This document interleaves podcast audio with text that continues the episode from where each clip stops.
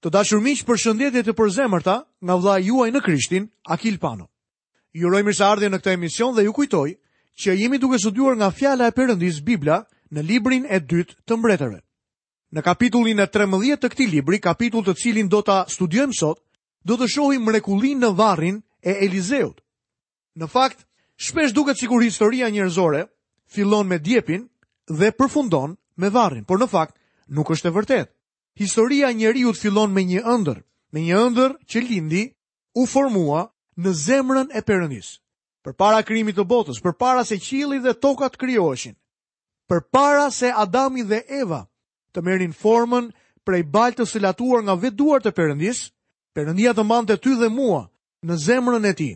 Unë dhe ti ishim pjesë e asaj ëndrre. Zanafilla jonë nuk është ditën e lindjes sonë, por ne jemi pjesë e atij planit të mrekullueshëm hyjnor që Perëndia kishte në zemër të vet. Në të njëjtën mënyrë ndërsa shohim fundin e jetës së njeriut, fundi nuk është varri. Duke parë historinë e njeriut me këndvështrimin e Perëndisë, kuptojmë që shpresa e të krishterëve nuk përfundon me varrin. Në fakt, Të gjithë neve besojmë në ringjalljen nga të vdekurit. Apostulli Pal, një nga apostujt më të mëdhenj të krishterimit, ndërsa flet për ringjalljen nga të vdekurit, ai thotë: Nëse nuk ka ringjallje nga të vdekurit, atëherë besimi ynë është i kotë. Në fakt, ne besojmë që me varrin nuk përfundon gjithçka. Njeriu vetëm sa largohet ditën kur shpirti i tij thirret nga Perëndia.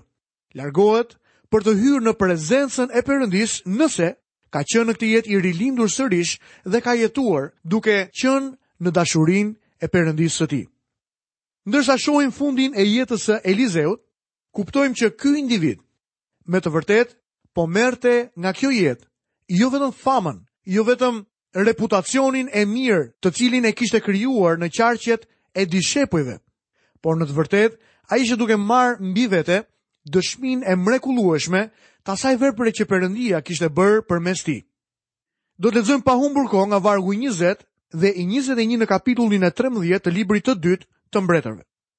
Pastaj Elizeu vdiq dhe e varrosën. Në fillim të vitit vijues, disa banda moabitësh pushtuan vendin. Por ndodhi që ndërsa disa varrosnin një njeri, panë një bandë plaçkitësish, kështu e hodhën njeriun në varrin e Elizeut. Sa arriti ai të prekë kockat e Elizeut, u ringjall dhe u ngrit më këmbë. Për mendjen tonë njerëzore, duket e pamundur, madje e paimagjinueshme. Edhe i vdekur, Elizeu ishte një individ që bënte mrekulli.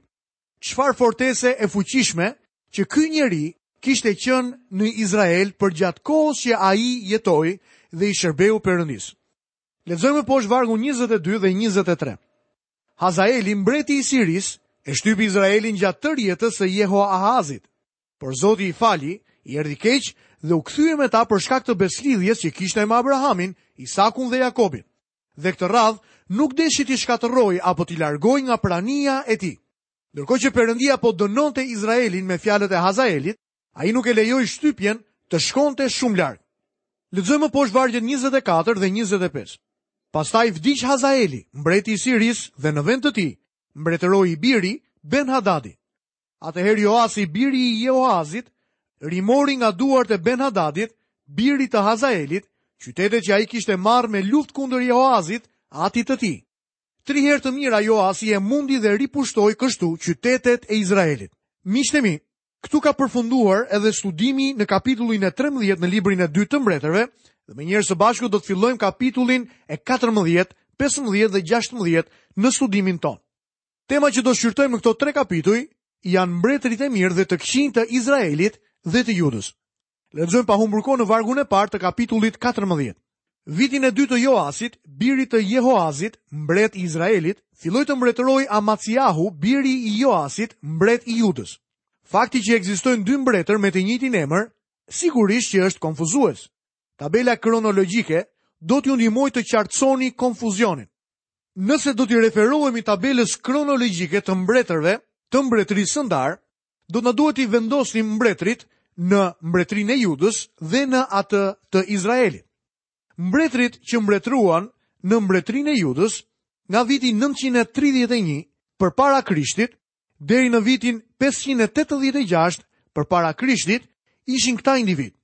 Roboami, i cili mbretëroi në vitin nëntëqind e tridhjetë e një deri nëntëqind e trembëdhjetë përpara Krishtit, ky individ mbretëroi për shtatëmbëdhjetë vjet. Fjala e Perëndisë kur flet për këtë mbret, thotë që është një mbret i keq. Ky mbret bashkëjetoi në kohën e profetit Shemajahu. Më pas shohim nga viti nëntëqind e trembëdhjetë deri nëntëqind e njëmbëdhjetë për tre vjet mbretërimin e mbretit Abijam, gjithashtu një mbret i keq. Më poshtë kemi mbretin Asa. Jemi duke parë mbretërit në mbretërinë e Judës. Asa mbretëroi nga viti 911 deri në vitin 870 për 41 vjet. Bibla na mëson që ky mbret ishte një mbret i mirë.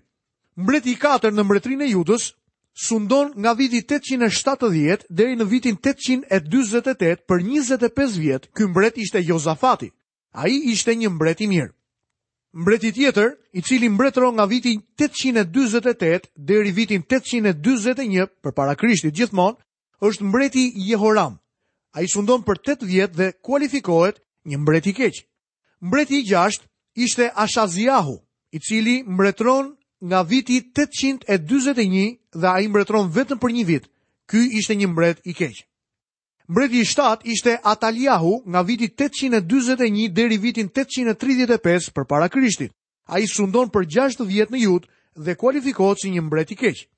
Joasi, pra mbreti Joas, mbretëron nga viti tetëqind e tridhjetë e pesë deri në vitin shtatëqind e nëntëdhjetë e gjashtë për dyzet vjet rresht dhe kualifikohet nga shkrimi si një mbret i mirë.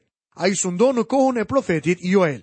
Mbreti i nëntë në mbretërinë e Judës ishte Amaciahu nga viti 796 deri në vitin 767 përpara Krishtit, për 29 vjet, ai kualifikohet nga fjala e Zotit si një mbret i mirë. Mbreti i dhjetë, Azarjahu, nga viti 767 deri në vitin 740, Për 52 vjet, ky mbret kualifikohet një mbret i mirë. Mbreti i 11 në mbretërinë e Judës ishte Jothami, nga viti 740 deri vitin 732 për 16 vjet. Ai mbretëron dhe kualifikohet si një mbret i mirë. Ky mbret mbretëron në kohën e profetit Mikea. Mbreti Ashaz, nga viti 732 deri në vitin 716 për 16 vjet, ai mbretëron dhe kualifikohet si një mbret i keq. Mbreti Ezekia, nga viti shtatëqind e gjashtëmbëdhjetë deri gjashtëqind e tetëdhjetë e shtatë para Krishtit, për njëzet e nëntë vjet kualifikohet nga Bibla si një mbret i mirë. Sërish vazhdojmë me mbretin e katërmbëdhjetë në mbretërinë e Judës, të quajtur Manas. Nga viti gjashtëqind e tetëdhjetë e shtatë deri gjashtëqind e dyzet e dy për pesëdhjetë e pesë vjet, ky individ mbretëroi dhe kualifikohet si një mbret i keq. Mbreti i pesëmbëdhjetë në mbretërinë e Judës ishte Amnoni, gjashtëqind e dyzet e dy deri gjashtëqind e dyzet, për dy vjet ai mbretëron dhe ishte një mbret i keq. Ai mbretëron në kohën e profetit Habakuk, Sofonia dhe Jeremia. Mbreti Josia, nga viti gjashtëqind e dyzet deri në vitin gjashtëqind e tetë, për tridhjetë e një vjet, kualifikohet mbret i mirë. Mbreti i shtatëmbëdhjetë i Judës është mbreti Jehoaz, Ai mbretëron në vitin gjashtëqind e tetë para Krishtit vetëm për tre muaj dhe kualifikohet si një mbret i keq. Mbreti i tetëmbëdhjetë është Jehojakimi nga viti gjashtëqind e tetë deri në vitin pesëqind e nëntëdhjetë e shtatë, për njëmbëdhjetë vjet. Ai mbretëron dhe kualifikohet si një mbret i keq. Kemi dhe mbretin e njëzet në mbretërinë e Judës, i cili sundon nga vitet pesëqind e nëntëdhjetë e shtatë deri pesëqind e tetëdhjetë e gjashtë për njëmbëdhjetë vjet dhe ai kualifikohet si një mbret i keq. Këtu ndodh dhe shkatërrimi i Jeruzalemit dhe robëria e Judës. Nëse do studiojmë mbretërit në mbretërinë e Izraelit, sepse në fakt mbretëria ishte e ndarë në dy pjesë, në mbretërinë e Judës dhe atë të Izraelit, mbretërit në këtë mbretëri fillojnë sundimin e tyre me Jeroboamin dhe përfundojnë me Hozean nga viti 931 përpara Krishtit deri në vitin 721 përpara Krishtit, sunduan në Izrael, në mbretërinë e Izraelit, pra 19 mbretër. Dhe nëse do t'i shohim me kujdes të 19 këta mbretër nga fjala e Zotit, ato kualifikohen të gjithë si mbretër të këqij. Lexojmë në kapitullin e 14 në librin e dytë të mbretërve nga vargu i dytë. Kur filloi të mbretërojë, ishte 25 vjeç dhe mbretëroi 29 vjet në Jeruzalem. E ëma quhej Jehoadan, ishte nga Jeruzalemi. Është fjala pra për Amaciahun, birin e Joasit, i cili u vendos si mbret i Judës. Nëna e Amaciahut quhej Jehoadan. Nëna e mbretërve ishte gjithnjë përgjegjëse për bijtë, nëse ishin mbretër të mirë apo të këqinj. Amaciahu ishte një mbret i mirë, kështu që duhej të kishte pasur një nënë me të vërtetë të mrekullueshme. Lexojmë më poshtë në vargun e tretë. Ai bëri atë që ishte e drejtë në sytë e Zotit, por jo si Davidi, ati i tij. Bëri gjithçka ashtu siç kishte vepruar Joasi, ati i tij. Amaciahu, biri i Joasit, erdhi në fronin e Judës dhe na thuhet se ai bëri atë çfarë ishte e mirë në sytë e Zotit, edhe pse nuk e arriti standardin e Davidit. Shohim gjithashtu se lufta civile midis dy mbretërive vazhdoi edhe gjatë kësaj periudhe të veçantë. Lexojmë nga vargu i 19 deri në vargun e 22. Kundër tij u kurdis një komplot në Jeruzalem dhe ai iku në Lakish, por e ndoqën deri në Lakish, ku e vranë. Pastaj e mbartën me kuaj dhe e varrosën në Jeruzalem bashkë me etërit e tij, në qytetin e Davidit. Atëherë tërë populli i Judës mori Azariaun që ishte 16 vjeç dhe e bëri mbret në vend të atit të tij Amaciah. Mbasi mbretin e zuri gjumi bashkë me etërit e tij, ai rindërtoi Elathin dhe ripushtoi Judën. Amaciah u largua në qytetin e Lakishit, ku ishte një kështjellë për t'u strehuar për të shmangur rrëmbimin nga tradhtarët. Tani do të shohim Jeroboamin e dytë, i cili mbretëron mbi Izrael. Lexojmë prej vargjeve 23 deri 25. Në vitin e 15 të Amaciaut, birit të Joasit dhe mbret i Judës, filloi të mbretërojë në Samari, Jeroboami, biri i Joasit, mbret i Izraelit. dhe mbajti fronin 41 vjet.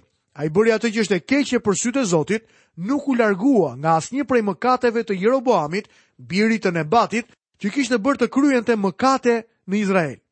Ai rivendosi kufijtë e Izraelit nga hyrja e Hamathit në detin e Arahut, sipas fjalës së Zotit, Perëndisë së Izraelit të shqiptuar nga profeti Jona, birit të Amitait, që ishte nga Gath Heferi. Jeroboami bëri të këqija në sytë e Zotit. Po kështu ai rivendosi kufijtë e Izraelit sipas profetit Jona, birit të Amitait. Kjo është referenca historike e Jonës, autorit të librit të Jonës. Kjo konfirmon faktin që Jona ishte një person i vërtetë dhe një profet në Izrael. Më në fund Jeroboami i dytë vdiq dhe Zakaria erdhi në fron. Ne po mbërrijmë në fundin e këtij kombi. Do të lexojmë më poshtë nga vargu i parë deri në vargun e katërt, tashmë të kapitullit të 15 në librin e dytë të mbretërve. Në vitin e njëzet e shtatë të Jeroboamit, mbretit të Izraelit filloi të mbretërojë Azariahu, biri i Amaciahut dhe mbret i Judës. Ishte shtatëmbëdhjetë vjeç kur filloi të mbretërojë dhe mbretëroi pesëdhjetë e dy vjet në Jeruzalem.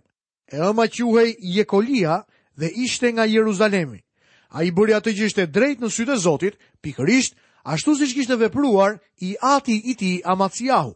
Megjithatë vendet e larta nuk u hoqën nga vendi. Populli vazhdonte të bënte flijime dhe të digjte temjan në vendet e larta. Në shumë mënyra, Azariahu ishte një mbret i mirë. Gjithsesi, ai bëri diçka që nuk duhej ta kishte bërë. Ndërhyri në detyrën e priftit, për këtë u godit nga lebra. Vdekja e tij theu zemrën e Isaias sepse ai kishte frikë që pasuesi i Azariahut do ta çonte vendin në idhujtari. Frika e tij ishte e bazuar sepse stërnipi i tij veproi pikërisht ashtu. Ne do të kalojmë më shumë kohë me mbretërinë e Uzjahut kur të mbërrijmë tek libri i Kronikave dhe profeti Isaia. Në Izrael Zakaria i fundit i linjës së Jehut u vra nga Shalumi, pasi kishte mbretëruar për gjashtë muaj. As Shalumi nuk veproi mirë. Ai mbretëroi vetëm një muaj dhe ra nga froni. Ai u vra nga Menahemi. Menahemi mbretëroi për 10 vjet dhe bëri të këqija, njëlloj si Jeroboami. Në këtë kohë, personi i quajtur Puli, mbreti i Asirisë, u ngrit kundra Izraelit dhe Menahemi pagoi 1000 talenta argjendi për të mbrojtur mbretërinë e tij. Për kombin ishte një periudhë me të vërtetë e errët. Me vdekjen e tij, biri i tij, Pekahiahu, zuri vendin e tij por mbretëroi vetëm 2 vjet. Pekahu, komandanti i tij e tradhtoi dhe më pas e vrau atë. Gjatë mbretërimit të Pekahut, Tiglath Peliser, mbreti i Asirisë u ngrit kundra Izraelit dhe mori në skllavëri fisin e Neftalit. Pekahu u vra nga Hosea. Jothami mbretroi në Judë dhe njihej si një mbret i mirë. Tani le të themi tek mbretëria e Judës dhe biri i Azariahut. Lexojmë në vargun e 33 të kapitullit të 15 në librin e dytë të mbretërve. Kur filloi të mbretërojë, ishte njëzet e pesë vjeç dhe mbajti fronin gjashtëmbëdhjetë vjet në Jeruzalem. E ëma quhej Jerusha, ishte bijë e Tsadokut. Ai regjistrohet si një mbret i mirë dhe Zoti regjistron edhe emrin e nënës së tij. Lexojmë vargjet më poshtë 34 dhe 35. Ai bëri atë që ishte e drejtë në sytë e Zotit, ashtu siç kishte vepruar Uziahu i ati. Megjithatë vendet e larta nuk u hoqën nga vendi, Populli vazhdonte të bënte flijime dhe të digjte temjan në vendet e larta. Ai ndërtoi portën e sipërme të shtëpisë së Zotit. Ai gjithashtu toleroi idhujtarinë, gjë që i dërgoi njerëzit e tij në skllavëri. Ndërkohë që fillojmë kapitullin e 16, më lejoni t'ju them se nëse ju pëlqen historia, atëherë kjo pjesë duhet t'ju duket shumë interesante. Nëse po kërkoni mësime shpirtërore, do të gjeni disa gjëra shumë praktike në këtë pjesë. Shumë nga kjo pjesë e fjalës së Zotit është jashtëzakonisht e vlefshme. Kini parasysh se të gjitha këto gjëra ndodhën si një shembull apo model për ne. Lexojmë në kapitullin e 16 në librin e dytë të mbretërve, nga vargu i dytë dhe i tretë. Kur filloi të mbretërojë, Ashazi ishte 20 vjeç dhe qëndroi në front 16 vjet në Jeruzalem. Ai nuk bëri atë që është e drejtë në sytë e Zotit, Perëndisë së tij, ashtu siç kishte bërë Davidi, ati i tij, por ndoqi rrugën e mbretërve të Izraelit dhe bëri madje të kalojë nëpër zjarr edhe të birin, sipas riteve të neveritshme të kombeve që Zoti kishte dëbuar përpara bijve të Izraelit. Shohim që Pekahu mbretëroi 20 vjet përpara se të vritej. Në vitin e 17 të mbretërimit të Pekahut në Izrael, Ahazi filloi mbretërimin e tij si mbreti i Judës. Ahazi nuk ishte një mbret i mirë. Lexojmë vargun e katërt. Përveç kësaj bënte flijime dhe digjte temjan në vendet e larta, në kodrat dhe poshtë drurëve që gjelbëronin. Ai ndoqi rrugët e këqija të mbretërve të Izraelit dhe bëri diçka të tmerrshme, duke ofruar fëmijët si sakrificë ndaj zotave paganë, ndoshta ndaj Mardokut ose Balit. Kjo praktikë ishte shumë e ulët dhe tregonte rënien shpirtërore të Ashazit. Më sipër pamë se ai bënte flijime dhe digjte temjan në vendet e larta, në kodrat dhe poshtë drurëve që gjelbëronin. Me fjalë të tjera, Ashazi ra në idhytari dhe adhurimin pagan.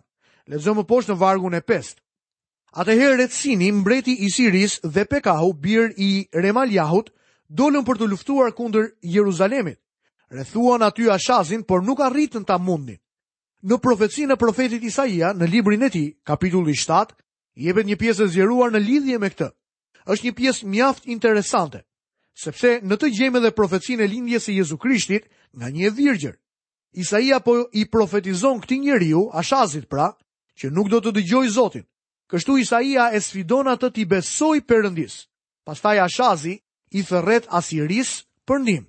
Kjo hap derën për Asirinë të hyjë dhe të robërojë mbretërinë e veriut. Lexojmë më poshtë në vargun e 6. Në atë kohë Retsini, mbreti i Sirisë, ripushtoi Elathin dhe përzuri judenjtë nga Elathi. Kështu sirët hynë në Elath dhe kanë mbetur atje deri në ditën e sotme. Deri në ditën e sotme, do të thotë deri në kohën kur është shkruar ky libër. Në këtë varg fjala judenjtë përdoret për herë të parë në Bibël. Ka disa që mendojnë që fjala judenj përdoret vetëm për ata që i përkasin fisit të Judës. Gjithsesi, Vini re se këtu i referohet popullit të mbretërisë së veriut të Izraelit, në fakt në kufirin e Sirisë. Ashtu siç do ta shohim, të 12 fiseve iu dha ky emër. Lexojmë më poshtë nga vargu i 7 dhe i 8. Ashazi i dërgoi lajmëtarë Tiglath Pileserit, mbretit të asirëve, për t'i thënë: Unë jam shërbëtori dhe biri yt, dil dhe më çliro nga duart e mbretit të Sirisë dhe të mbretit të Izraelit, që janë ngritur kundër meje. Ashazi mori pastaj argjendin dhe arin që ndodhej në shtëpinë e Zotit dhe në thesaret e pallatit mbretëror dhe ia dërgoi si dhuratë mbretit të Asirisë. Asirianët janë të korruptueshëm. Në fillim ata erdhën tek Ashazi duke sulmuar Damaskun në Siri dhe pastaj duke marrë qytetin. Lexojmë më poshtë në vargun e 10. Atëherë mbreti Ashaz shkoi në Damask për të takuar Tiglath Peleserin, mbretin e Asirisë, pasi pa altarin që ishte në Damask, mbreti Ashaz i dërgoi priftit Uria vizatimin dhe modelin e altarit me të gjitha hollësitë për ndërtimin e tij. Ai e donte këtë altar të ngritur në tempullin e Zotit. Gjatë gjithë kohës Isaia po i profetizonte atij dhe kundra atij për atë çfarë po bënte. Lexojmë në vargun e 17. Mbreti Ashaz hoqi gjithashtu panelet nga qerret dhe enët e vogla. Hoqi detin nga demat prej bronzi që e mbanin dhe e vendosi mbi një dysheme prej gurësh. Ashazi po tregonte mungesën më të madhe të respektit për tempullin e Zotit të gjallë dhe të vërtetë. Lexojmë nga vargu i 18 deri në vargun e 20.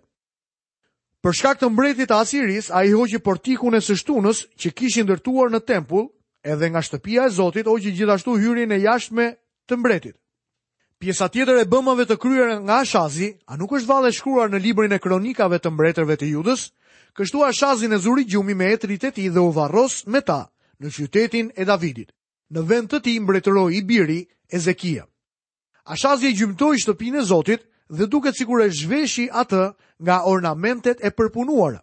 Kapitulli mbyllet me vdekjen e Ashazit dhe regjistrimin e faktit që biri i tij, Ezekia, mbretëroi pas tij. Është me vërtetë e çuditshme që një njeri si Ashazi kishte një bir si Ezekia, historinë e mbretërisë të së cilit do ta shohim në kapitullin vijues, të cilin do ta studiojmë në emisionin e ardhshëm. Deri atëherë, nga vëllai juaj në Krishtin Akil Pano, paçi të gjitha bekimet e Perëndisë dhe paqen e tij në jetën tuaj. Bashkë mirudëgjofshim në emisionin e ardhshëm.